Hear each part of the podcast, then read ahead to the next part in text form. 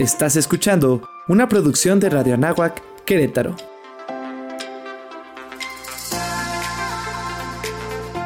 Amplía tu sentido.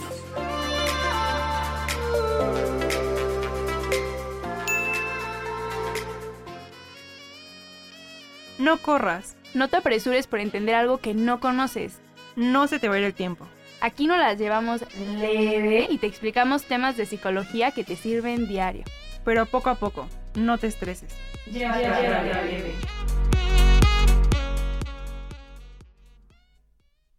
Hola, bienvenidos de nuevo a este su podcast Llévatela leve. Yo soy América Arroyo. Y yo soy Regina Contreras. Y estamos muy felices de saludarlos hoy en nuestro primer episodio. Hoy tenemos una invitada súper especial aquí en cabina, porque vamos a hablar de un tema que nos va a abrir los ojos a nuevos enigmas de la psicología. Bienvenida Paola, qué gusto es tenerte aquí, gracias por venir a visitarnos y a compartir tu conocimiento.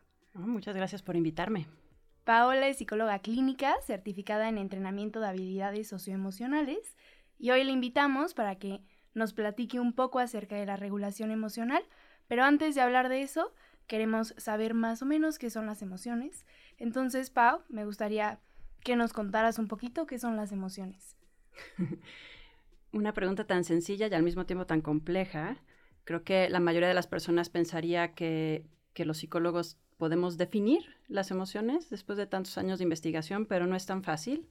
Hoy en día sigue habiendo polémica, hay diferentes definiciones.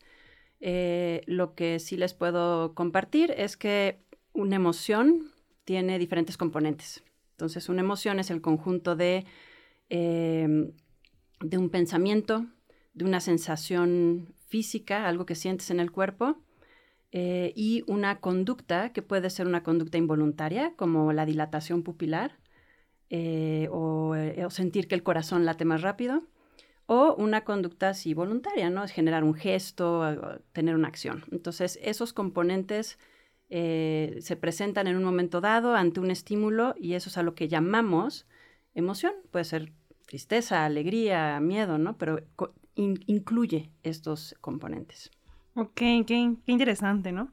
Y bueno, claro, sabemos que pues muchos autores como que lo definen de diferentes formas y todo eso, pero ¿cómo lo definirías tú? ¿Qué componentes tú le pondrías o definiciones? Sí, pues mira, después de, leer diferentes posturas y de, sobre todo de tener varios años ya en, este, en esta aventura de la psicología y de ver cómo ha evolucionado el tema de las emociones, creo que hoy en día es más adecuado llamarlas estados mentales que emociones, porque hablar de emociones las separa de lo que realmente es, es como si algo fuera algo muy peculiar y en realidad la emoción es, como decimos, como un paquete de cosas que se presentan en la mente. Es un estado mental que incluye diferentes cosas, ¿no? Entonces va a haber pensamientos, cogniciones, va a haber sensaciones físicas también en el cuerpo. Pero eh, si hablamos de estados mentales, creo que es más incluyente, abarcamos más elementos que si tratamos de separarlas de lo que es un pensamiento, por ejemplo. Entonces decimos, los pensamientos son una cosa, las emociones son otra. Pues no, van, van de la mano. Entonces en realidad podríamos hablar de estados mentales. Está súper interesante eso de clasificarlos como estados mentales, pero también nos llama mucho la atención que constantemente buscamos encasillar las emociones en emociones buenas y emociones malas. ¿Por qué crees? Así es. Pues creo que creo que para las personas es muy sencillo el, sentir, darte cuenta que unas se sienten bien, unas se sienten mal, Entonces, pues las que se sienten mal, les ponemos la etiqueta de malas, como el enojo, el miedo, dices, estas son malas, ¿no? Y además te hacen actuar de manera no muy sana, ¿no? Y generas problemas, entonces son malas. Y buenas, pues las que se sienten bonito, ¿no? Alegría, amor, felicidad, paciencia, templanza. Pero hoy en día sabemos que hay veces que las emociones se sienten mal, pero que aún así pueden ser favorables, te pueden traer un beneficio. Entonces no es, no es tan fácil solo ponerles esta etiqueta de buenas o malas.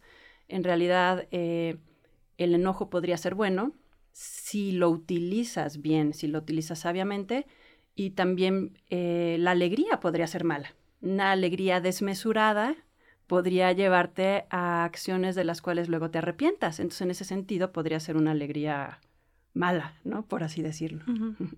Sí, por eso muchas veces como que te dicen que no tomes decisiones estando completamente feliz o estando completamente triste, ¿no? Para tener como este balance. Sí.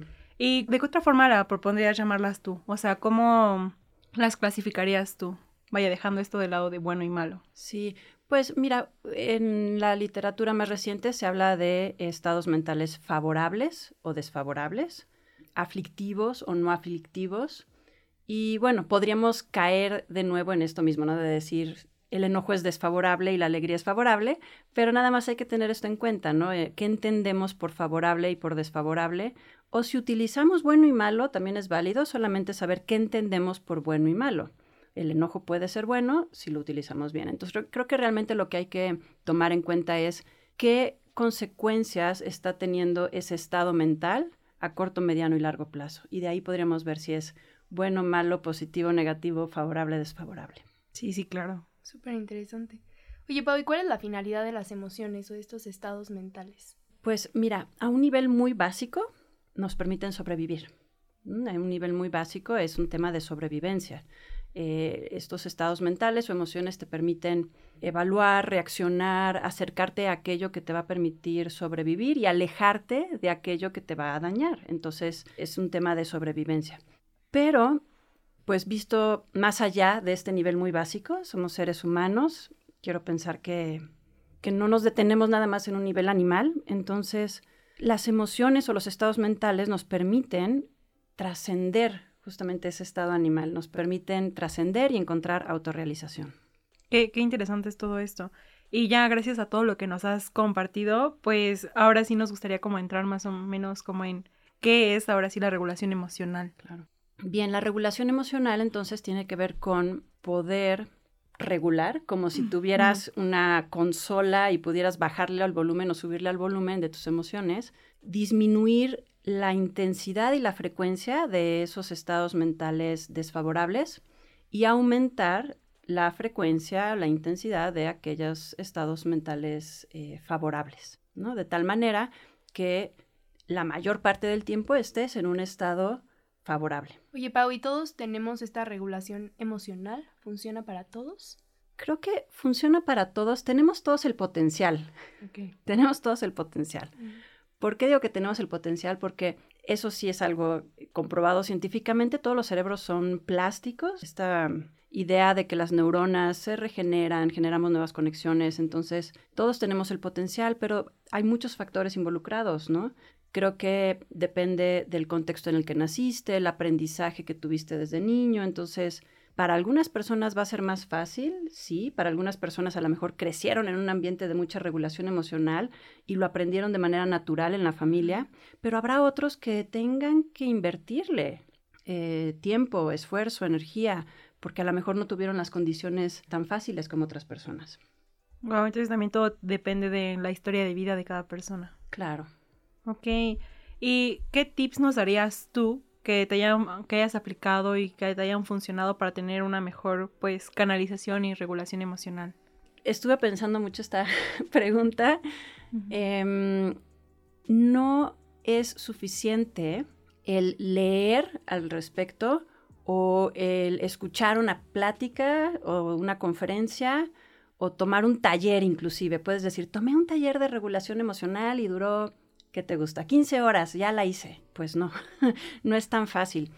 Aprender a reconocer nuestros estados mentales y poder después regularlos toma mucho tiempo. Es un tema de hábito, es un tema diario. Así como nos lavamos los dientes y cuidamos de nuestra higiene diario, de la misma manera tendríamos que dedicar cierto tiempo diario a observar nuestra mente, a observar nuestros procesos, emocionales y trabajar con ellos y estar muy atentos, muy atentos en el día a día de cómo estoy reaccionando ante algo, cómo me estoy sintiendo, esto es favorable, esto es desfavorable, cómo puedo regularme, diario, diario, diario. Entonces, claro, muchas personas me han dicho, ¿no? Pues ya leí tantos libros y ya tomé tantos talleres, pero me sigo enojando, ¿no? que cuánto tiempo dedicas al día a, trabajar con ese enojo, a explorarlo, a, reflexionar en él y generar nuevos hábitos más conducentes. Entonces, ese es mi único tip. Hay que dedicarle tiempo, energía, esfuerzo. Y más o menos como cuántos eh, veces como por día tenemos que trabajarlo, como cuántos minutos.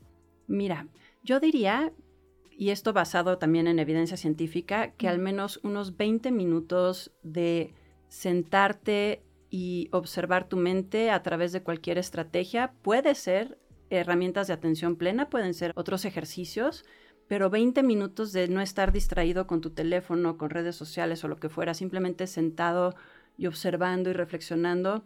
Y además en el día a día hacer diferentes pausas Simplemente puedes ir caminando, no te tienes que detener, puedes ir caminando, puedes estar en el súper y de repente pararte y decir, ah, ¿qué estoy sintiendo?